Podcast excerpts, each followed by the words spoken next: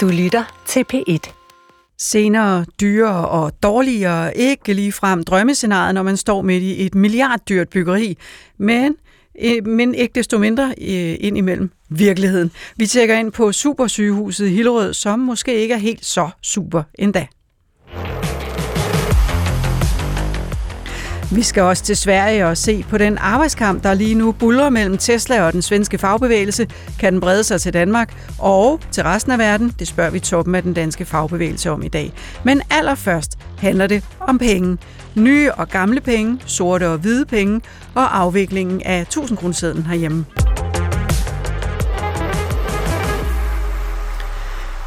Du lytter til Følg Pengene. Jeg hedder Mette Simonsen, og lad os først lige huske os selv på, hvordan det egentlig er, den ser ud, den her 1000 kroners seddel. 16,5 cm lang, 7,2 cm høj med motiver af Storbæltsbroen på den ene side og solvognen på den anden. Og jeg kan simpelthen ikke huske, hvornår jeg sidst har haft en 1000 kroners seddel i lommen, men øh, der er faktisk mellem 22 og 23 millioner 1000 kroner i omløb lige nu. Altså 23 milliarder kroner. Og hos politiet, der regner man med, at op mod halvdelen af de sedler kommer fra kriminalitet. Og nu er det så snart slut. For 1. juni 2025 bliver sedlerne ugyldige. 1000 kronesedlen er blevet overflødig for lovlydige danskere, og den er også besværlig og dyr at håndtere i butikkerne, vurderer Nationalbanken. Og så mener politiet, at sedlen altså ofte anvendes af kriminelle til at opbevare og flytte store beløb. Peter Sleit, bankdirektør og medlem af koncerndirektionen i Jyske Bank. Velkommen til Følg Ja, tak. Hvornår har du egentlig selv stået med sådan en 1000 kroneseddel mellem hænderne? Jeg har det ligesom dig, jeg kan desværre ikke huske det. Nej, en del af, af historien om 1000 kroner er jo også, at, øh, at vi ikke betaler med kontanter mere. Hvor, øh, altså, har du kontanter på dig? Det har jeg aldrig, og øh, du kan jo sige, at det faktisk kun er 9% af den værdi, der bliver betalt i butikker, der faktisk er med kontanter.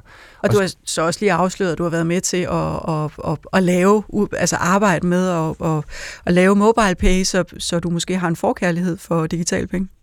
Ja, det har jeg, men, og det er jo selvfølgelig, fordi jeg tænker, at det er nemmere, øh, og det er både også, og det er mere sikkert. Men først og fremmest en nemmere oplevelse for kunderne. Men altså, vi har stadigvæk 1% af, af borgerne i Danmark, som har svært ved at finde ud af andet end kontanter. Så så længe vi ikke har dem med, så bliver vi også nødt til at have kontanter endnu. Den samlede værdi af de kontanter, der er i omløb, øh, ligger omkring 69 milliarder kroner, og af dem udgør 1000 kronesedlerne så en tredjedel. Det er altså de her 23 milliarder kroner, jeg nævnte lige før. Hvor mange af dem er så kriminelle? Det spurgte jeg Dorte Hermansen om forleden. Hun er analysechef i Hvidvask-sekretariatet i politiet under den nationale enhed for særlig kriminalitet. De nye tal, vi har fået, de, øh, de peger på, at der er cirka 22 milliarder. Og så har vi øh, på baggrund af den øh, analyse, kontantanalyse, der udkom fra Nationalbanken, har vi kigget på, hmm, hvor er de her værdier egentlig, og hvor, hvor tror vi, risicien er størst. Og når vi ligesom gør det, ud fra en betragtning af, at den her seddel er ikke særlig attraktiv hos de fleste, altså der er ikke så mange borgere, der bruger dem, der er ikke så mange virksomheder, der bruger dem, men det er til gengæld en rigtig attraktiv sted for de kriminelle. Så er det vores vurdering, at der øh, ligger cirka 8-11 milliarder ud af de 22, som kunne være i risiko for hvidvask. Så altså op mod halvdelen af de 1000 kronesedler, der ligger derude, dem vurderer I, at de er i hvert fald i risiko for at, øh, at ligge derude hos i hænderne på nogen, der har gjort noget kriminelt? Ja, det gør vi. Peter Sleit i Jyske Bank, der var I faktisk lidt på forkant, kan man vel godt sige. I droppede udbetaling af 1000 kronesedler allerede i 2018. Hvorfor gjorde I det? Jamen det gjorde vi af, af flere årsager. For det første så, så droppede man på det tidspunkt den største pengeseddel i EU. Det var den her 500 euro, så man ikke ville producere mere. Og derfor var der faktisk en folketing, altså en, øh, en politiker, Søren Søndergaard fra Enhedslisten, der foreslog at gøre det samme i, øh, i Danmark, og det blev diskuteret dengang. Vi besluttede så at gøre det, også fordi der var kommet nye hvidvaskregler i 17, som vi kunne se, at vi var under pres. Over halvdelen af vores mistanker om hvidvask relaterede sig til kontanter. Var der flere banker, der fulgte med dengang? Nej, det var der ikke. Hjælper det så noget, at bare én bank for altså, dropper og udbetale 1000 kroner siden? Det har i hvert fald hjulpet for os, fordi vi kan se, at øh, vores andel, at vores kunders andel af kontanter er lavere end andre bankers. Og vi kan også se, at vi har knækket den kurve i forhold til underretninger og mistanke på kontantbrug øh, brug af til hvidvask. Så, så vi har faktisk en faldende tendens der nu. Men så kan man vel formode, at de kunder, hvor I normalt ville skulle indberette, at de bare er, er sivet over i andre banker? Jamen, måske, men øh, det kan også være, at vores kunder bare har fået en mindre adfærd, fordi vi skal også huske, det er jo mistanker. Så hvis man, og nogle af mistankerne er ubegrundet, men man kan sige, når man så har mindre, så er der også mindre at være mistænkelig overfor. Jeg kan jo ikke lade være med alligevel at tænke, at det måske var en lidt smart måde at slippe af med, med kriminelle kunder, og så slippe for en masse ekstra overvågningsarbejde. Ja, det kan du, det kan du også sige, men i, i virkeligheden er det jo, har vi jo fået kunderne godt med. Det har faktisk været en, en non-event for vores kunder, fordi kunderne er jo, de beder jo om at få hæve 3.000 kroner, og før fik de måske tre sædler, nu får de seks sædler, og øh, jamen, der er jo ikke nogen forskel på det. Det er til overskud. Det er det. Hvilke reaktioner fik I så på, at I droppede 1000 kroner sædlen? Jamen som sagt, der var ikke rigtig nogen øh, reaktioner. Det tog de i stiv arm, ja. kunderne.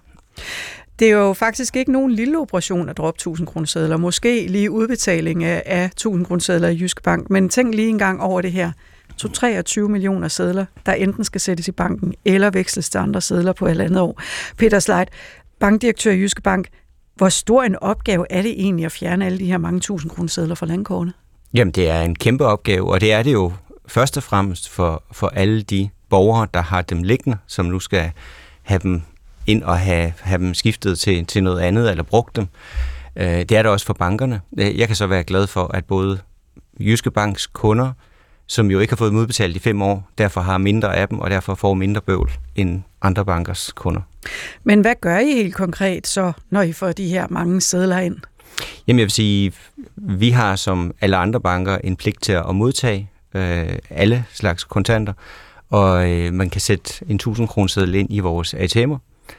Og ATM'er? Ja, vores pengeautomater. Tak. Undskyld. så, man, øh, så man kan nemt øh, komme af med dem, og man kan selvfølgelig også bruge dem i butikkerne øh, her i den næste periode. Og det vil jeg da opfordre alle borgere til at komme i gang med, så man ikke ender med at have nogen liggende, når, når fristen er, er, er overstået. Og hvad gør I så med alle de her sædler, I får ind? Jamen, dem afleverer vi trofast til Nationalbanken tæller, og så, ja, hvordan foregår det egentlig? Jamen, der er, der er penge, øh, stadigvæk nogle, nogle firmaer, der, der lever af at håndtere kontanter, som så hjælper med at få dem transporteret på sikker vis ind tilbage til Nationalbanken. Hos øh, Hvidvasksekretariatet øh, er de da også ekstra opmærksomme lige nu, faktisk, fortæller Dorte Hermansen. Det er jo som det er med, med det kriminelle, det er, det er kattens leg med musen her, så når vi, når vi, lukker, øh, når vi lukker et sted, så, så prøver de at finde et andet sted hen, og så må vi være på udkig efter, hvor det er, og prøve at se, om vi, vi kan, vi kan lukke det øh, ned. I politiet generelt er vi jo meget opmærksomme på det her. I Hvidvasksekretariatet, der kigger vi efter hvidvask døgnets, øh, jeg siger, 24 timer, og øh, så meget vi overhovedet kan. Øh, og jeg tænker, at hele operationen her, der er det klart, der, der, er nogle, der er nogle blikke, der bliver vendt nogle særlige steder hen. Det vil være helt naturligt. Og noget tyder på, at en af de steder, hvor blikket bliver vendt hen, det er ved guld, som er kommet i høj kurs igen. Vi har også været ude og, øh, og, og varsle om, at, øh, at der er, øh, der er gang, i, øh, gang i guldhandlen. Altså det er, øh, det, er en, det er jo en nem måde at opbevare øh, store værdier. Øh, det skal du have dem opbevaret, hvor de ikke behøver at flytte dem. De behøver ikke at bære dem rundt på sig selv. De kan være opbevaret nogle andre steder. Men de er også relativt sådan, øh, i hvert fald til at arbejde med at få, få det ud over grænserne og sælge det i udlandet. Og det er jo det, de gerne vil. Lige nu har de svært ved at få danske øh, penge øh, ud af, øh, over grænsen, og, øh, fordi der er ikke nogen i udlandet, der vil købe danske kroner. Øh, Øh, så de, de skal ligesom ud med nogle værdier på en anden måde. Og der, er de jo, der gør de jo det, de gør, og finde ud af, hvordan, hvordan kan det lade sig gøre. Og øh, guld er en af tingene. Det kan også handle om afregning kopivarer, eller det kan være afregning gennem øh, virksomheder, altså de opretter virksomheder og handler med hinanden, hvor der bare ikke rigtig er nogen varer eller tjenesteydelser bag, men til gengæld en hel masse fakturer. Så, så, øh, så de, finder selvfølgelig, øh, de finder selvfølgelig vej, øh, og så må vi bare finde ud af, hvor det er henne. Men guld er en af de ting, de er glade for. Peter Sklej, nu hører vi jo her, at guld er en af de ting, som de kriminelle også er glade for. Men ved at afskaffe 1000 kroner sedlen, det siger øh, Dorte Hermansen jo også, at de kriminelle finder nye veje. Skubber man dem ikke bare over i en anden form for kriminalitet? Eller et, et, et, et andet sted hen, hvor det måske er endnu sværere at, at, at finde ud af, hvad der foregår? Du har i hvert fald ret i, at de kriminelle de vil søge andre veje, når man, når man lukker et hul. Omvendt kan man så sige, hvis der er en udfordring et sted, skal man så ikke lukke det hul, så de får det lidt sværere. Og så må vi jo så arbejde med løbende at få lukket de andre huller. Og du har også ret, det er et kapløb. Og det er ikke et kapløb, som vi som samfund lige nu vinder. Så der, er faktisk stigende kriminalitet i Danmark. Så, så der skal gøres mere for at få lukket også de øvrige huller. Hvad er det for en slags kriminalitet, især stiger? Jamen, det er den finansielle kriminalitet, så det, det, er, det er i høj grad hvidvask. Og det, man kan sige, det er, at øh, det, der gør det, hvis man er kriminel, så er der mange kriminelle, der er smarte til at, at bruge mange banker. Øh, de bruger nye valutaer, kryptovalutaer, de bruger udenlandske banker, og alt det slører billedet af, hvad de rent faktisk foretager sig, så den enkelte bank og det enkelte samfund har svært ved at se, at det, de laver, faktisk er kriminelt. Hvor, hvor ser du så, du siger, hvor ser du så faktisk, at de kriminelle pengestrømme bevæger sig hen, øh, hvis vi kigger på det lige nu? Jamen lige nu så er et af, et af vores fokusområder, det er kryptobanker, og det er noget, der hedder neobanker. Det er sådan nogle små, nye banker, som typisk ligger i udlandet. Hvad, hvad er en neobank? Det, har jeg ikke. det kender jeg ikke, det begreb. Ny moderne bank, der er en bank, der hedder Revolut, uden at hænge nogen ud. Øh, en anden en, der hedder N26, men, men det er nogle eksempler. Så det er digitale banker? Ja. ja. Det er meget nemt at blive kunde. Det tager kun nogle få minutter. Hvordan arbejder I så med det i, øh, i Jyske Bank for eksempel? Hvad kan, hvad kan I gøre? Jamen, vi kan overvåge de transaktioner, som vores kunder har til og fra de banker, eller, og, og tilsvarende, hvis der er noget med krypto, så overvåger vi selvfølgelig også det. Du sagde før, at øh, man, øh, fordi vi talte lidt om, inden vi gik ind i studiet, talte lidt om det her med, at, at, at befolkningens behov for også måske at føle sig lidt privat, når man bruger penge. Øh, men der sagde du faktisk, at det var ikke noget problem. Man kunne godt fjerne alle kontanterne, og så stadigvæk føle, at man var privat. Hvordan det? Ja, hvis, hvis der er politisk vilje, kan man i hvert fald. Altså det, jeg tænker sådan, at en af de udfordringer, der er med at afskaffe kontanter helt, det er lige præcis det der med, at vi faktisk alle sammen gerne vil have retten til når man køber en gave til sin kæreste, at det ikke kommer til at stå på kontoudtoget, der måske er, er fælles. Eller hvis man er kommet til at købe et par sko for meget. Ja, og også det. også det. Og øhm, der kan man altså sagtens lave digitale løsninger. Øh, det kunne laves for eksempel i Mobile Pay, hvor man siger, at de første 50.000 kroner, man, man bruger, det bliver anonymt. Det er der aldrig nogen bank, der kommer til at se, og heller ikke ens øh, kæreste. Øh, hvorimod alt over, det bliver sporbart. Så får, så får samfundet den sin interesse mod hvidvask opfyldt, og vi får vores privatliv opfyldt. Det kan man ikke lave med kontanter, men det kan man lave digitalt.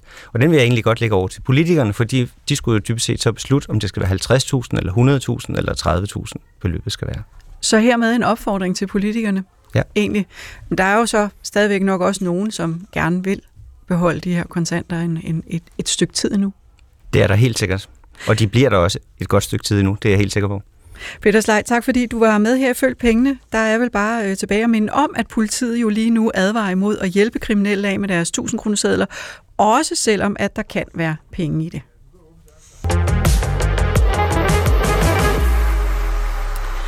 Du lytter til Følg Pengene. Vi går tæt på tidens vigtigste historier og på, hvordan de påvirker dig, dine penge og det samfund, du lever i. Vi skal en tur til Hillerød til Nyt Hospital Nordsjælland, et projekt, der budgetteret til 5,3 milliarder kroner, men lige nu står til at koste 7,6 milliarder, altså over 40 procent mere, end man startede med at regne med. Det er heller ikke gået rigtig godt med tidsplanen. Eh, hospitalet skulle have stået færdigt i 2020, og nu forventes det altså så først at stå klar om tre år, sidst i 2026, og altså seks år forsinket. Vi tjekker ind på Supersygehuset i Hillerød, som måske ikke er helt så super endda, og på hvad budgetoverskridelsen i Hillerød egentlig betyder i resten af regionen. Og velkommen til dig, Lars Gårdhøj, regionsrådsformand i Region Hovedstaden og manden med hånden på kogepladen, kan man måske sige i den her sag. Velkommen til Følg Penge. Tak skal du have. Øh, du har været regionsrådsformand for Region Hovedstaden i lidt over to år nu. Mm. Øh, er det egentlig en god stol at sidde i? Det er i hvert fald en øh, spændende og også udfordrende post. Det vil jeg gerne medgive, og øh, særligt hospitalsbyggerier er jo noget af det, som er rigtig svært i hovedstaden og også i andre regioner, som der er nu. Og er godt gang i det lige nu, kan man måske sige? Absolut. Øh, vi er jo i en fase, hvor hovedstadens øh, byggerier de er i gang med at blive gjort færdige, kan man sige, og det er den fase, hvor man bygger, og det er altså også den fase, hvor det desværre er rigtig dyrt. Og øh, vi skal også sige velkommen til Kim Havbølle, og ved du, jeg må jeg ikke lokke dig til at stille dig hen til den næste mikrofon, fordi så kan jeg se jer begge to på én gang, så bliver jeg ikke vinderet. jeg skal lige forklare, at vi har sådan et bord med fire mikrofoner. I, ja, der står lidt spredt. Øh, Kim Havbølle er seniorforsker ved Institut for Byggeri, By og Miljø ved Aalborg Universitet. Velkommen til Følg Penge. Tak skal du have. Kim, der står på universitetets hjemmeside, at du har forfattet eller været medforfatter til mere end 250 publikationer om bygherrens rolle med fokus på innovation, indkøb, totaløkonomi og bæredygtigt byggeri. Hvor kommer den her interesse for byggeri fra? Altså, hvis vi skal spole helt tilbage til min barndom, så kommer den fra, at min øh, far han øh, arbejdede med entreprenørmateriel, og, øh, og det betød, at jeg var med på, øh, på både byggepladser og øh, værksteder, øh, og det var simpelthen så spændende, at øh, selvfølgelig skulle jeg også beskæftige mig med byggeri. Så du har fået det ind, øh, om ikke med modermælken, så i hvert fald fra barns ben? Ja. Hvis vi lige vender tilbage til byggeriet i Hillerød, det er jo ikke øh, så mange uger siden, at Rigsrevisionen var ude med kritik af Region Hovedstaden for at underbudgetere i forbindelse med byggeriet. Men inden vi kigger på økonomien, Lars Gårdhøj, hvad var egentlig den oprindelige plan med det her nye hospital i Hillerød? Planen var jo, at vi skulle bygge et, øh, et rigtig, rigtig godt hospital. Det kommer vi også til. Men, øh, men ambitionerne var også høje. Men hvad består et rigtig, rigtig godt hospital af? Jamen, det består jo selvfølgelig det er et stort hospital. Vi har jo bygget øh, sygehus i hele landet øh, i de her år, og, og det går ud på, at vi samler det, så det er store og det er meget komplekse byggerier, hvor man samler tingene. Det er jo også en af de udfordringer, som vi må indrømme, vi er løbet ind i. Øh, så det er et, et hospital, som skal kunne det hele for Nordsjællands øh, befolkning. Så det skal både, altså, hvis, når du siger, det skal kunne det hele... Det er et kæmpe stort akuthospital, som kan alt det akutte, hvor du kan komme ind øh, 24-7 hele år, øh, året rundt, hvor alle specialer er til rådighed, som kan hjælpe dig, når du kommer ind med en ulykke eller sygdom, eller hvad det nu er. Så det er både kompliceret brækket ben og hjertesygdomme, for eksempel? Det er det, så det er også det meget specialiseret, så det er et hospital, som kan det hele. Kim Havbølle, vil du hjælpe mig og lytterne her? Hvordan rammer et sygehusbyggeri så skævt på, budget, på budgettet, som, som det er sket i Hyllerød? Det er blevet allerede nu 40 procent dyrere, temmelig meget mere forsinket. Øh, seks år i hvert fald taler vi lige nu. Hvordan sker det? Det er der desværre som regel mange forklaringer på, og ikke kun én øh, forklaring. Det er jo en lang beslutningskæde, vi står overfor, som starter med, at nogle øh, nationalpolitikere og embedsmænd øh, lægger en budgetramme øh, ud, øh, overdrager den til en region, som så skal forsøge at få det bedst mulige ud af det budget, øh, der så er til øh, rådighed, hvorefter man entrerer med nogle øh, rådgivere, som skal hjælpe med at tegne et øh, hus, og inden er der nogle entreprenører, håndværkere, materialeproducenter, der skal levere de øh, produkter og services, der skal til øh, at øh, bygge et hospital. Og hele vejen igennem den kæde øh, er der altså mulighed for, at kæden populært sagt øh, hopper af øh, undervejs. Og hvis den hopper af flere steder undervejs, så begynder det at blive rigtig, rigtig svært at styre projekterne. Og er den gjort det her i det her tilfælde? Er det, er den, hvor er den hoppet af henne, eller er det, og er det flere steder? Det her er flere steder, som jeg øh, ser det. For det første, så har man jo i udgangspunktet øh, valgt at, øh, at sætte et budget til rådighed for regionerne, som er til den absolut skrabede side.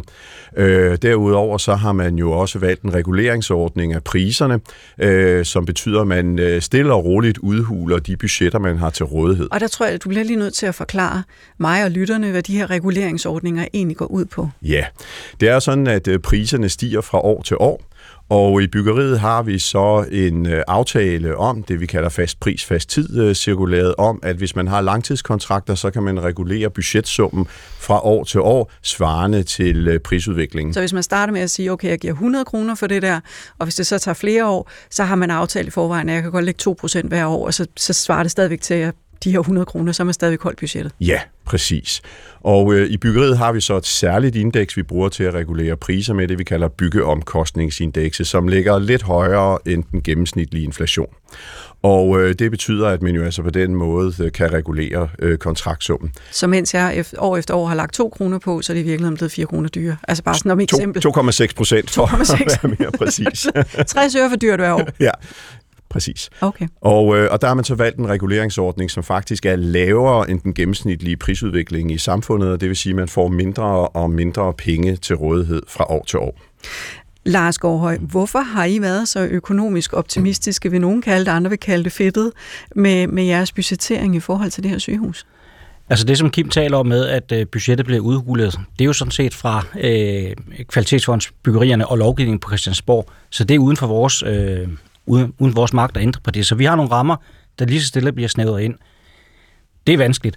Men så er det klart også, som, øh, som Kim er ind på, så er der jo andre ting, som, øh, som driller os, og det er jo noget omkring, hvor, hvordan vi øh, kommer i gang med så stort et, et kompleks byggeri, og der, var, der synes jeg, vi har været for langsomme for at være helt ærlige, og det har jeg også sagt flere gange, øh, uanset at det har været svært. Øh, og det gør at jo længere tid der går på et projekt, jo større risiko er der også for, at der sker fejl øh, undervejs. Hvad er det, I har været for langsomme med? Jamen, jeg tror, i de første mange år, der, der brugte vi rigtig meget tid på at få det planlagt godt og få det projekteret. Øh, og så bliver man ligesom, kan man sige, overhalet af virkeligheden, fordi pludselig så står man i en situation, hvor man så går i udbud, og så kan man se, at bukserne holder ikke, fordi priserne er steget meget mere, end man troede. Og for at gøre ondt være, så må man sige, covid og Ukraine, det var trods alt heller ikke nogen, der kunne forudse. Men de to verdensbegivenheder presser priserne voldsomt op, netop som vi går i udbud og bygger, og vi er på et sted, hvor vi ikke rigtig kan gå tilbage. Og derfor er der ikke andet at gøre, end at bygge færdigt, velvidende, at det bliver dyrere, end det vi har penge til. Og det er derfor, vi står i den situation nu, at budgettet det skrider, og det er vi så nødt til at låne os til. Så I fanget lidt i, at øh, nu er I så meget i gang, I er så langt i et byggeri, som allerede øh, har kostet rigtig mange penge, at uanset nærmest, hvad regningen ender på at blive, så er I nødt til at bygge færdigt? Ja, det er sagen på, på de store byggerier i, i hovedstaden, at vi er så langt fremme, at, øh, at at stoppe op, det vil formentlig være endnu dyrere, og derfor så, øh, så er der ikke andet end at gøre, end at komme igennem, og derfor vi, vi har jo fuldt byggerierne tæt. Vi har løbende prøvet, om vi kan justere, uden at ændre på funktionaliteten, men dog tage nogle, tage nogle øh, beslutninger, som gør det billigere. Men det er rigtig, rigtig vanskeligt, fordi priserne på træ, stål og aluminium er eksploderet. Men hvis I nu havde været færdige til tiden, så var I jo kommet helt udenom både corona og Ukraine, så havde I siddet på den grønne gren med et færdigt øh, hospital i dag, inden inflationen ramte os alle sammen i nakken. Ja, og det var også derfor, jeg startede med at sige, at noget af det, vi i hvert fald har lært i, i det her, det er, at vi er nødt til at gøre vores processer hurtigere eller kortere. Og det er selvfølgelig nemt nok sagt, fordi at, det er jo ikke fordi folk har siddet ikke har lavet noget, det er ikke det, er ikke det jeg siger. Øh, og det er meget, meget komplekst, og der, der opstår også ting, som var, ikke var forventet, men grunden var blød, mere blød, end man troede. Det tog noget tid, der har været naturindvendinger. Men at der må jeg indrømme, det, det forstår simpelthen ikke, hvordan man kan blive overrasket over, at grunden er blød, når man ligger et sygehus uden mos. Nej, det øh, synes jeg også øh, lyder sjovt, når man siger det på den måde, men man vidste godt, at den var blød, og man vidste godt, at man skulle, man skulle øh, ud og, og stabilisere det. Men det viser at være en endnu større opgave, end det man nok havde beregnet sig til til at begynde med. Og så tager det længere tid, koster selvfølgelig også nogle flere penge. Så der er selvfølgelig sket nogle ting, som er kommet udefra, øh, men det ændrer ikke på, at vi skal være hurtigere til at få projekteret og komme i udbud og få bygget, fordi det siger al erfaring, at det, øh, det mindsker altså risikoen for, at, at der tilstår noget, som er uforudset. Nu er øh, det nye Hillerød sygdom, øh, sygdom, sygehus eller hospital, det er jo øh, også et bemærkelsesværdigt byggeri, kan man sige. Jeg står her med et billede af, eller et, ja, et billede af det, sådan som det skal blive til, når det bliver færdigt. Og det er jo ligesom sådan omridset af en firkløver, mm. øh, hvor der er gårdhave i midten, og så er der jo noget alt muligt udenom os. Øh, men det betyder jo også, at der er mange runde former i det her øh, byggeri, og Kim Havbølle, jeg, du kan jo lige få billedet, jeg ved, du ved, hvordan det ser ud. Hvad gør det ved et byggeri, at man vælger at ikke at gøre det firkantet? Det gør det dyrere. Meget enkelt. Øh, det havde været øh, billigere at øh, lave nogle øh, firkantede kasser øh, og lave en, øh, et kryds øh, i stedet for det her øh, smukke firkløver. Øh, det, det skal vi ikke tage noget fra. Det er et meget smukt øh, byggeri. Men det er også et byggeri, som så bliver vanskeligt at udvide på på et senere tidspunkt, fordi så ødelægger man hele strukturen med det her øh, firekløver, hvis man nu forestiller sig, at man om fem eller ti år tænker, at nu skal vi have nogle flere sengestuer, øh, nogle flere ambulatorier. Hvor skal man putte dem hen, og så samtidig holde fast i den her Der er stadig plads tanke. til at bygge en stilk, kan man sige. ja, man kan bygge en stilk. Men altså... Men kort sagt, det bliver bare dyrere, lige så snart man begynder at lave noget, der er rundt, øh, og i øvrigt øh, på mange andre måder er avanceret nuanceret i sit øh, udtryk.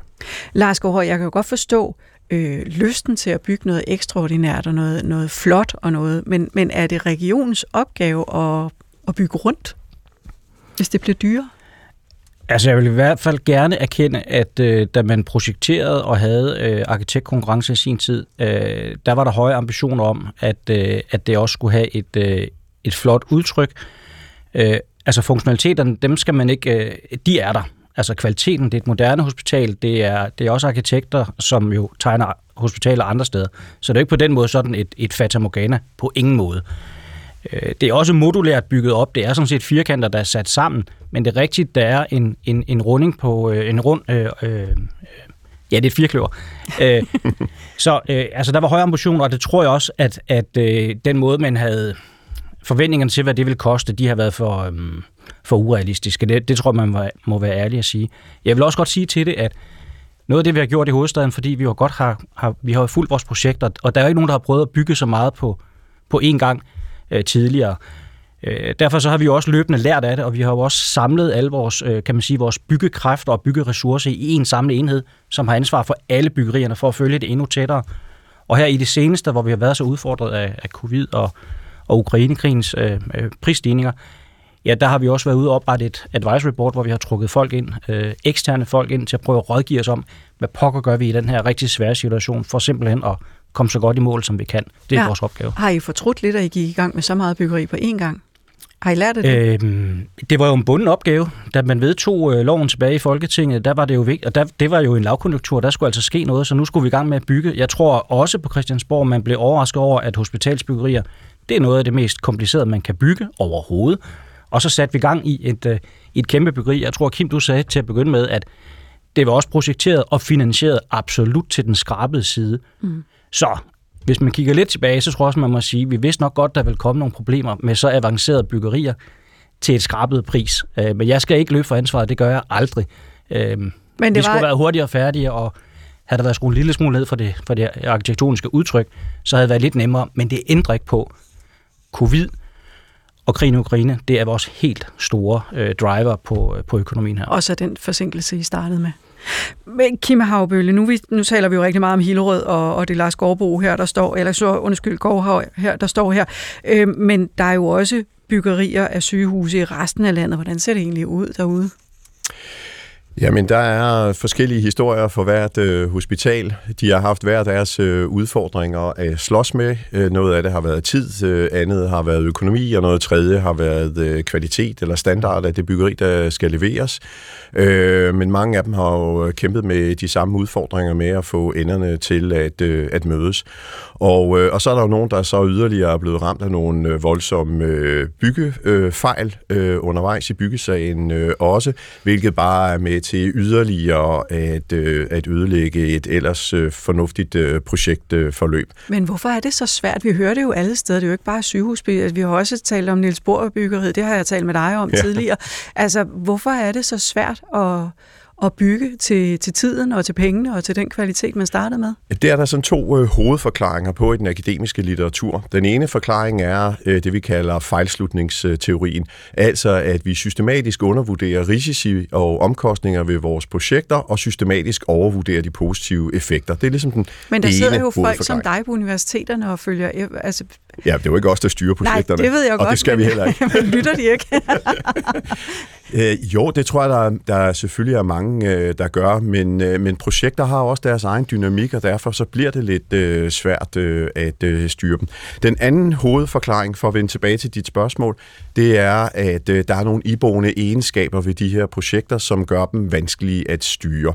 Og, øh, og en ting er jo den her kompleksitetsgrad, som jeg er helt enig med, med Lars i, at det er noget af det mest avancerede byggeri, vi kan kaste os ud i. Det er at bygge svømmehaller og laboratoriebygninger og hospitaler. Øh, så det er jo i sig selv en øh, komplicerende faktor. Det, der så også øh, ligger i det, det er nogle markedsmæssige vilkår rundt omkring. Vi har jo ikke haft øh, ret mange øh, rådgivere og entreprenører i Danmark, som har bygget hospitaler i, jeg ved ikke hvor mange øh, år. Og det vil sige, der har også været et kompetence efterslæb øh, i øh, branchen. Og der er et kapacitetsproblem, øh, i hvert fald på nuværende tidspunkt, et kapacitetsproblem i, øh, i branchen. Og, øh, og det er med til også at drive øh, projekter ud over øh, kanten, hvis det går rigtig galt, eller i hvert fald øh, Øh, for forsinke dem og fordyre dem, og eventuelt også føre til forringelser i kvaliteten. Og hvis vi så lige vender tilbage til Hillerød og til Rigsrevisionens kritik af byggeriet og budgetteringen af, øh, i Hillerød, så kan man jo se, at der er blevet skåret i antallet af sengepladser. Det er gået fra 662 til nu 570. Der er også blevet øh, skåret i antallet af ambulatorier fra 130 til bare 82. Lars Gårdhøj, det nye hospital Hillerød, er det stadig et supersygehus? Ja, det er det det bliver et, øh, et rigtig, rigtig godt øh, hospital, som vi bliver glade for i Region Hovedstaden. Jeg tror, man må sige også, da man planlagde det, og med antallet af sengepladser for eksempel, det er også mange år siden, og vi kan se en rivende udvikling i, at der bliver mere og mere behandling, som foregår i eget hjem, hvor man kan da være indlagt i eget hjem, som er noget af det næste, der kommer. Så i virkeligheden er jeg måske ikke så bekymret for antallet af sengepladser. Hvad så med Øh, ambulatorierne? For dem får man vel brug for, hvis folk ikke skal ligge på sygehus, men bare skal komme ind forbi og blive tjekket. Ja, det har du ret i. Øh, Men man må også sige, der sker faktisk også noget her i forhold til, at vi har øh, sundhedshuse, og i hvert fald den tidligere regering havde en idé om nærhospitaler, den er sat på pause. Øh, Men for eksempel i Nordsjælland, der er der jo i, i øh, Helsingør bygget et ret øh, flot øh, sundhedshus, og der har vi jo som region også regionale øh, øh, øh funktioner, og øh, det tror jeg faktisk også, man kommer til at se noget mere af. Så lige omkring størrelsen og antal sengepladser, hvad der virkede som det oplagte for 15 år siden, det er jeg ikke så bekymret for. Så du kan godt garantere, at de ikke ender med et supersygehus, der mangler enten sengepladser eller ambulatorier nu her. Man kan aldrig garantere noget i politik, øh, det har trods alt været for længe øh, med til, øh, men, men jeg, jeg tror faktisk, det får en ganske passende størrelse, og man kan jo også se på det nuværende hospital, som jo, som jo kører, og faktisk ikke har voldsomme problemer med overbelægning, at der er sådan noget, der tyder på, at det her med, at antallet af sengepladser, det er ikke det samme, som vi forventede for 15 år siden. Der var altså en anden ting, jeg også faldt over i den her øh, revisionsrapport, og det er, at der bliver albuebetjente armaturer i stedet for berøringsfrie armaturer, og reduceret styrkekrav til gulvene. Og lige det med gulvene, det må jeg sige, det har, jeg aner ikke, om det har nogen konsekvenser, eller hvad det har konsekvenser, men jeg kunne ikke lade være med at tænke, at med resistente bakterier på sygehusene og ude i hverdagen, øh, i baghovedet, og så lige efter en pandemi, er det så tidsvarende med et sygehus med albuebetjente armaturer? Nej, det er det måske ikke, men øh, det er jo et af de greb, man gør. Vi løbende har været igennem en tilpasning af økonomien, hvor man, hvor man kigger på det, hvad, øh, hvad er absolut nødvendigt at have for at opretholde kvaliteten og funktion, funktionaliteten. Det holder man fast på. Er der noget andet, som kan øh, skrues lidt ned på, øh, så gør man det. Og det er den proces, vi har været igennem for at få øh, øh, pengene til at passe. Det, det skal jeg være ærlig omkring. Mm. Hvad er jeres holdning egentlig begge to øh, til de valg, der, der er foretaget her i forhold til, hvordan man skulle få økonomien til at hænge sammen? Hvad siger du, Kim Havbølle? Jamen altså, øh, jeg, jeg, jeg har jo ikke siddet og kigget på tegningerne og været med i den proces, hvor man har fundet ud af, hvad det er for nogle øh, fravalg, man skal gøre helt konkret omkring nogle øh, gulvvalg og, og armaturer og den slags. Derfor jeg så jo kan du tale lidt friere. Ja, det kan jeg jo gøre. Men man kan sige, det, det helt øh, principielle i det er jo, at øh, alle byggeprojekter har en eller anden form for økonomi, som vi skal prøve at få til at, at hænge sammen, og derfor så har vi nogle forskellige greb, vi bruger til at sikre, at vi kommer nogenlunde i mål med, øh, med det.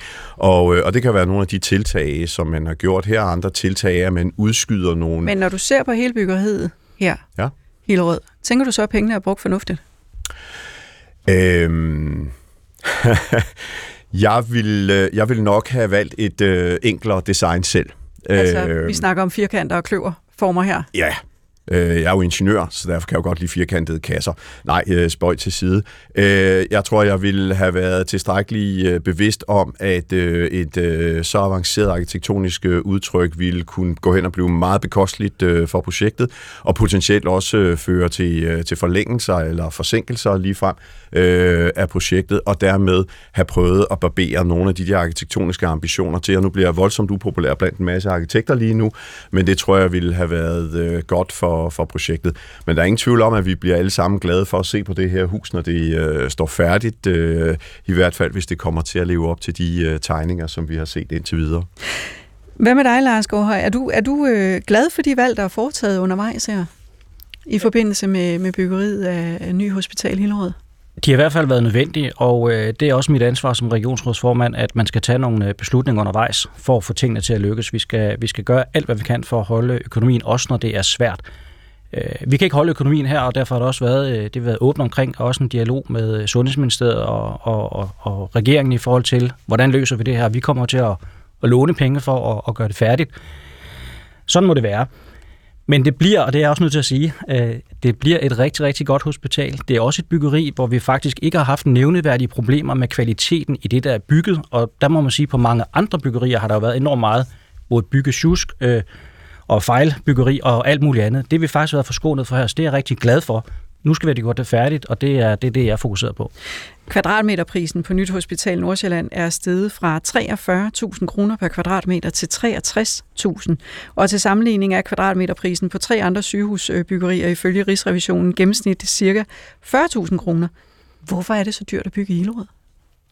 Jamen, den største forklaring, det er simpelthen det, der sker omkring 2020, hvor vi først får øh, covid og efterfølgende øh, krigen i Ukraine. Altså priserne på råmaterialer, træ, aluminium, stål, de, nogle af dem de er steget med 30, 40, 50 og sågar 70 procent. Og det er meget store mængder, og det har bare på nogle af de ting, der skal bygges, det, altså det har fordoblet priserne eller mere, og det, mm. vi kan ikke løbe fra det. Øhm, og det tror jeg er den største forklaring, fordi man sammenligner med byggerier, som er afleveret for 3, 4, 5, 6 år siden, så er det klart, de har ikke været udsat for den samme prisstigning. Så forsinkelsen er i virkeligheden det, der blev allerdyrest? Ja, det må man sige, fordi forsinkelsen gjorde jo, at, øh, at vi ikke var færdige, inden der desværre kom pandemi og krig. Man kan så sige, det var svært at gætte, det ville lige hvad 2020, der vil komme, det kunne også være... Jeg er med på, at der ikke er nogen, der havde forudset hverken corona eller, eller Ukraine. Der var nok nogen, der havde forudset krigen i Ukraine, men, men der var jo... De fleste her i omegnen har hørt jo hørte det jo i hvert fald ikke rigtigt. Lars Gårdhøj, du skriver selv på din hjemmeside, at budgettet for regionens og hospitalernes økonomi er presset af personalemangel, udskudte behandlinger, der skal indhentes, øh, og, øh, der, behandlinger, der skal indhentes, og stigende udgifter til praksisområde og tilskudsmedicin. Og dertil kommer en stram økonomiaftale med regeringen, der også indeholder krav om store besparelser på de administrative funktioner. Hvilke konsekvenser får eller har fordyrelsen af byggeriet i Hillerød i resten af regionen? Undskyld, jeg skal simpelthen lige... Ja, men du hoster bare. Endelig. ja, undskyld. øh, øh, øh, man kan sige, at byggeriet ligger i vores anlægsbudgetter, øh, og på den måde så har det ikke i første omgang, det er ikke sådan, at vi, at vi lukker ned for behandlingen for at bygge færdigt. Sådan er det ikke. Men omvendt er det sådan, at når vi bruger flere penge, end vi havde forventet, og også kommer til at låne penge i de kommende år, som vi skal afdrage over de næste mange årtier, ja, så, så kommer det til at give os en renteudgift, og det betyder selvfølgelig, at andre renoveringer, ikke mindst, dem bliver vi nødt til at udskyde, eller gøre i et langsommere tempo, end vi ellers faktisk har brug for. Vi har allerede nu sat stort set vores vi har en kæmpe stor renoveringsplan, som er meget nødvendig. Den har vi sat stort set på pause. Hvad er det? Er renovering af hvad? Selvom der er meget fokus på de nye byggerier, så udgør det kun omkring en fjerdedel af vores kvadratmeter. Og det vil sige, at vi har tre fjerdedele tilbage. For eksempel Rigshospitalet, det gamle centralkompleks, som trænger til en kraftig overhaling. Det er meget store beløb, men det er rundt på alle vores hospitaler og psykiatrien osv. Og, øh, og det er fra bitte små ting til meget store ting, der skal repareres og renoveres og udskiftes. Det koster et meget stort milliardbeløb. Vi har regnet ud til at være 7, 8, 9 milliarder kroner. Øh, og, og, og vi var egentlig gået i gang med det. Vi vedtog det tilbage i 2018, var gået i gang med det møjsommeligt og få tingene fikset. Det arbejde det er faktisk sat på pause nu, fordi vi er så presset på vores anlæg. Og det handler både om vores byggerier, der, der presser os, men det handler også om, at de anlægsrammer, vi har fået i vores løbende økonomiaftale med staten, har været meget presset på grund af inflation osv. Øh, og det er jo sådan lidt, når man udskyder noget, der er nødvendigt, så ender det måske også med at blive dyrere i den lange ende. Det er jeg meget bekymret over. Så, øh, så, så det, at byggeriet i Hillerød er blevet så meget øh, dyrere, det betyder faktisk noget for patienter i resten af regionen også? Ja, og vores medarbejdere, som jo går i rammer, som, øh, som ikke er optimale, og, og derfor er det super vigtigt, at nu får vi gjort vores kvalitetsfondsbyggerier, altså supersygehusene, dem får vi gjort færdigt, og så skal vi have et snak med hinanden i det land her om, hvordan vi får renoveret resten. Og heldigvis er det jo sådan, at regeringen er jo også i gang med noget, der hedder en, øh, en, en øh, sundhedsfond, hvor man blandt andet vil kunne komme til at kigge på, hvordan får vi renoveret vores offentlige bygninger, ikke mindst hospitaler. Så du lyder som om, du håber på at få lidt flere penge? Det er nødvendigt Eller at få investeret i vores, i vores bygninger i det offentlige, særdeleshed hospitaler, men det er også andre steder.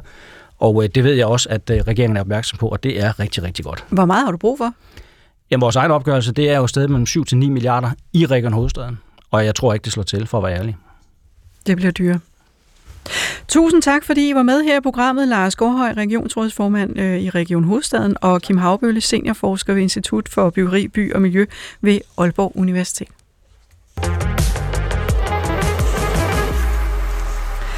Du lytter til Følg Pengene, og vores sidste punkt på dagsordenen i dag er en historie, som er gået lidt under radaren, kan man godt sige, øh, på den anden side af Øresund, men som fylder en hel del hos vores svenske naboer. Og måske kan den også komme til, komme til det her i Danmark. Det handler om den amerikanske bilgigant Tesla, som er kommet i problemer i Sverige. I slutningen af oktober iværksatte fagforeningen IF Metal Øh, der blandt andet organiserer mekanikere en øh, konflikt mod Tesla. Virksomheden ville ikke indgå en overenskomst, og det fik den svenske fagbevægelse op af stolene. Senere så er der fuldt en, en række andre faggrupper. PostNord holder nu fast i ikke at levere post til Tesla. Havnearbejdere og elektrikere har lammet Teslas forretning, og sidste uge vandt Tesla en sag mod den svenske transportstyrelse, så Tesla nu selv får mulighed for at hente sine nye nummerplader hos styrelsen. Og svenske musikere, de har faktisk fuldt trop. De blokerer deres musik i Teslas medieafspillere for at støtte de strækkende mekanikere. Kort sagt, det kører ikke rigtigt for Tesla i Sverige lige nu. Jeg skal byde velkommen til dig, Flemming Grønsund.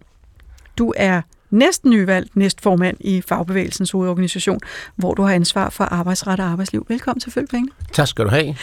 Du har de seneste årtier beskæftiget dig med arbejdsret som forhandlingssekretær i 3F og som er landets største fagforening, og du har undervist i øh, tillidsfolk i arbejdsret i 20 år, og så er du medforfatter til bogen Arbejdsret for tillidsvalgte. Selvom du øh, som faglig aktiv og formoder jeg er på arbejdernes side i sagen om Tesla i Sverige, så er du med øh, her i dag, også fordi du ved utrolig meget om, hvordan motoren i den her slags konflikter ser ud indenfra, og hvordan øh, man som fagforening arbejder i den her slags sager. Jeg har set dig på cykel til jeres ekstraordinære generalforsamling i FH, da du blev næstformand, men jeg skal lige høre, om du også har en bil. Ja, det har jeg. og er det en Tesla? Nej, det er det ikke, nej. Øh, det tror jeg ikke vil være det, jeg valgte. Øh, slet ikke i dag. Flemming Grønsund, helt overordnet, hvorfor indleder de svenske fagforeninger en konflikt? Ja. Jeg synes, det er vigtigt at, at, understrege, at man har jo forsøgt at komme i dialog med Tesla øh, helt tilbage fra 2018 i et ønske om at indgå en overenskomstaftale. Og øh, det har Elon Musk jo fuldstændig kategorisk afvist, og har nærmest skidt udtryk for, at de kan strække herfra i evigheden, øh, uden at der kommer en overenskomst. Man kan sige, at han flere steder er blevet citeret for, at øh, det med fagforeninger, det er ikke rigtig hans kop te. Det er ikke noget, han tror på. Han synes, det skaber et samfund af herrer og, og jeg kan ikke huske, hvad han kaldte bønderne i virkeligheden, tror jeg. Men det er jo, ja, jeg tror desværre ikke, at Elon Musk har sat, sig, har sat sig ind i, hvad det er for et, et område, han opererer i her i Nordeuropa. Især der er vi jo vant til, at løn- og ansættelsesforhold aftales via overenskomster for at sikre et ligeværdigt øh, ansættelsesforhold, sådan så medarbejderne også har indflydelse på egne vilkår på arbejdspladsen.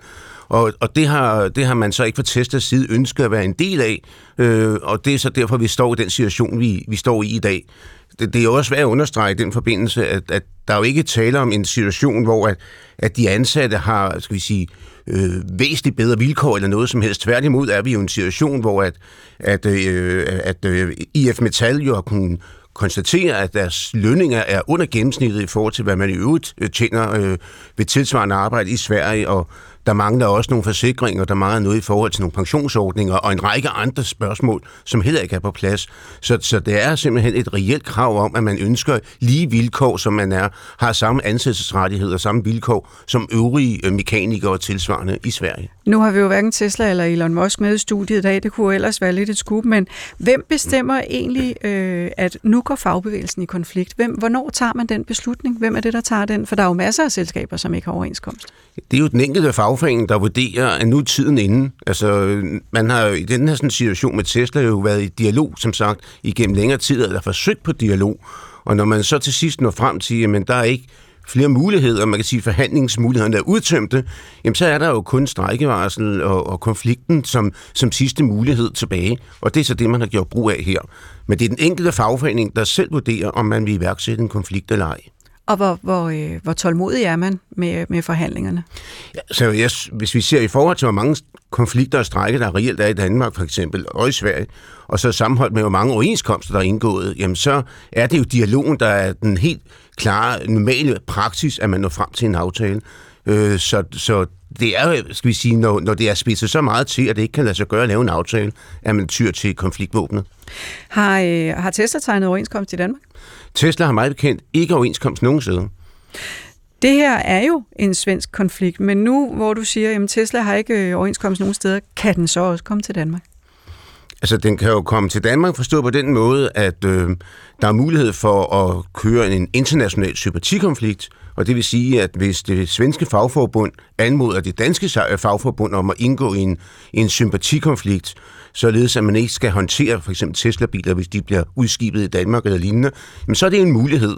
Og på den måde kan dansk fagbevægelse jo blive en part i en international arbejderkonflikt. Men, men kan man det efter danske arbejdsmarkedsret? Øh, altså kan man, kan man godt bare øh, gå ud og, og det er jo ret hårdt for en virksomhed, hvis der bliver lukket af for levering af nummerplader, eller der ikke er nogen mekanikere, der vil skrue på bilerne, eller Altså, hvor, hvor, øh, hvor, hvor aggressiv kan man være der? Man kan sige, at, at øh, for, man kan ind, for man kan etablere en konflikt, og for den sags skyld også en type sympatikonflikt, så skal hovedkonflikten jo være erklæret lovlig.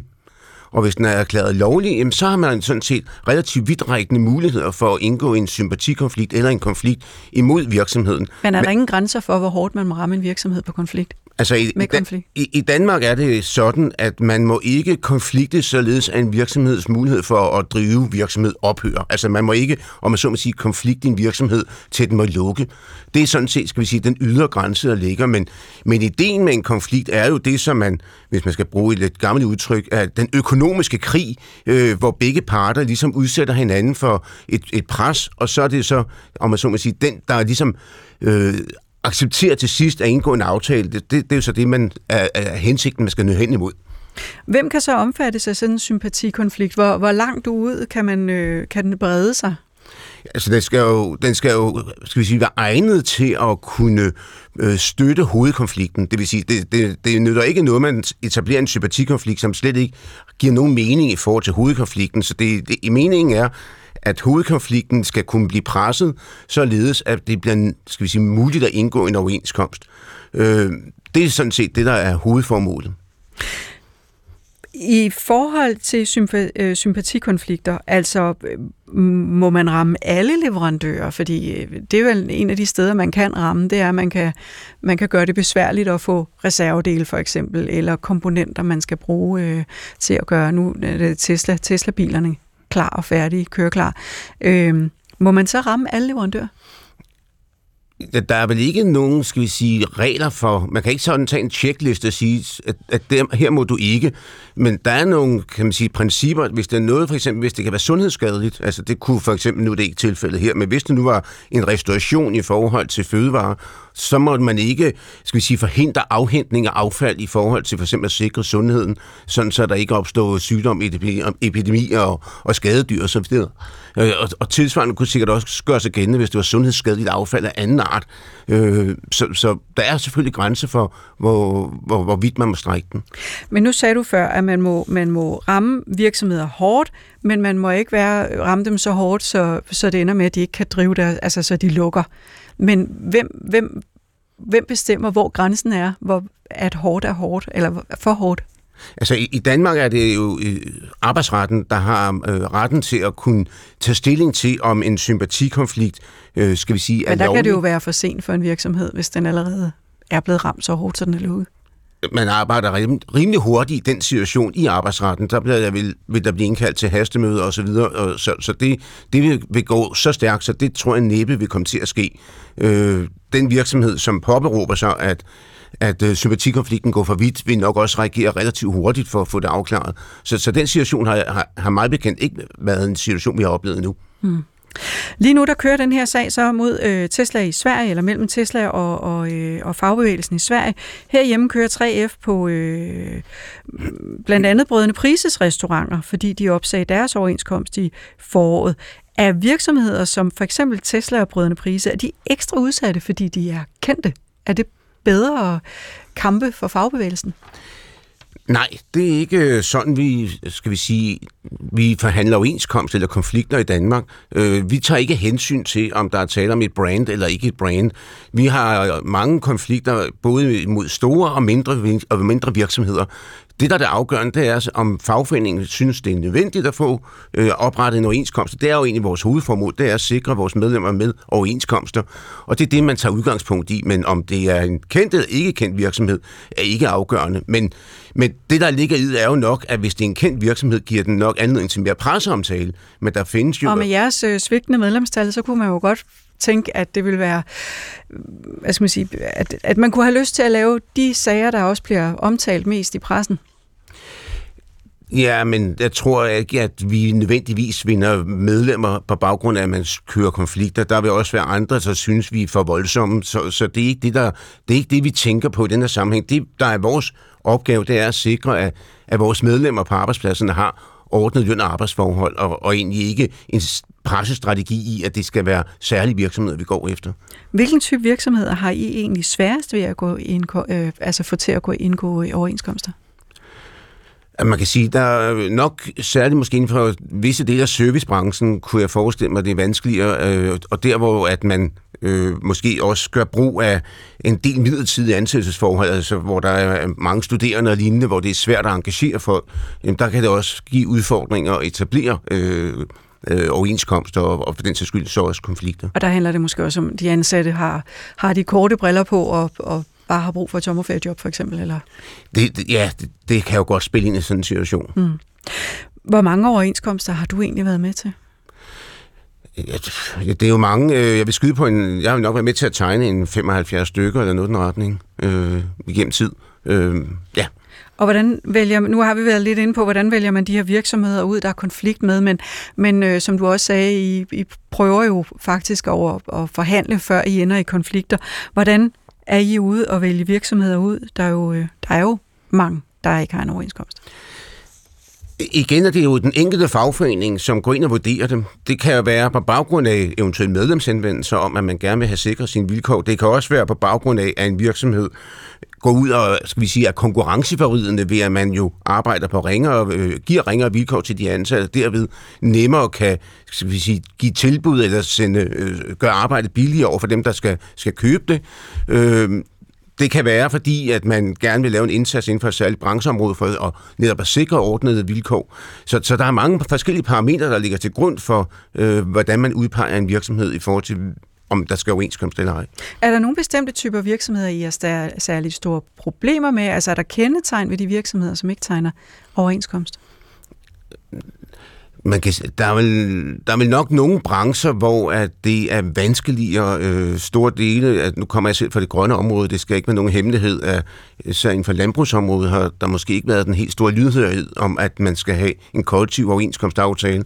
Øh, det har nok også tendens til inden for måske dele af hotel- og restaurationsbranchen, øh, for den sags skyld også, at, at det kan være vanskeligt. Men nu taler vi så om, om Tesla her i dag. Er der, er der særlige problemer med de store multinationale selskaber, eller, eller er Tesla... Øh, er det, hvad skal man sige, har, har de ligesom valgt en, en vej, som er meget deres? Jeg tror, det der er tale om mange gange, det er, at de store multinationale selskaber, hvis de, når de kommer for eksempel til Danmark, kender de ikke til vores forhandlingssystem. De kender ikke til det med, at vi bruger dialog og laver overenskomster på samme måde. Og det vil sige, at det kan være noget af et wake-up call for dem, at de pludselig bliver hen, øh, får en henvendelse fra en fagforening om, at der skal laves en overenskomst. Men, men det er mit indtryk, at når de så først har fået indgået aftalerne, så er man efterfølgende faktisk godt tilfreds. Øh, et godt eksempel er McDonald's, som jo var et problem tilbage i 80'erne at få etableret overenskomstforhold med, men hvor de jo efterfølgende jo nærmest øh, har været ude og sige, at, at for dem har det lettet deres øh, måde at, at drive virksomhed på, at man har øh, ordnet vilkår på arbejdspladsen. Har de, har de så taget det med til nogle af deres mange forretninger i andre lande? Det er, det er mit indtryk, at man for eksempel også i USA har ordnet vilkår lige præcis på mange fastfood-områder. Mm. Hvordan laver man egentlig sådan, nu har vi ikke så lang tid tilbage, men altså sådan helt sådan i kort, hvordan laver man egentlig en aftale med, med virksomheder, der ikke allerede har en overenskomst? Hvad, hvad gør man? Der er jo flere forskellige muligheder. Altså den ene mulighed, det er, at virksomheden og fagforeningen skriver under på det, vi kalder en tiltrædelsesoverenskomst. Det vil sige, at arbejdsgiveren vælger at følge den brancheoverenskomst, der normalt er gældende for området. Det skriver man under på, og så er man fuldstændig omfattet af den.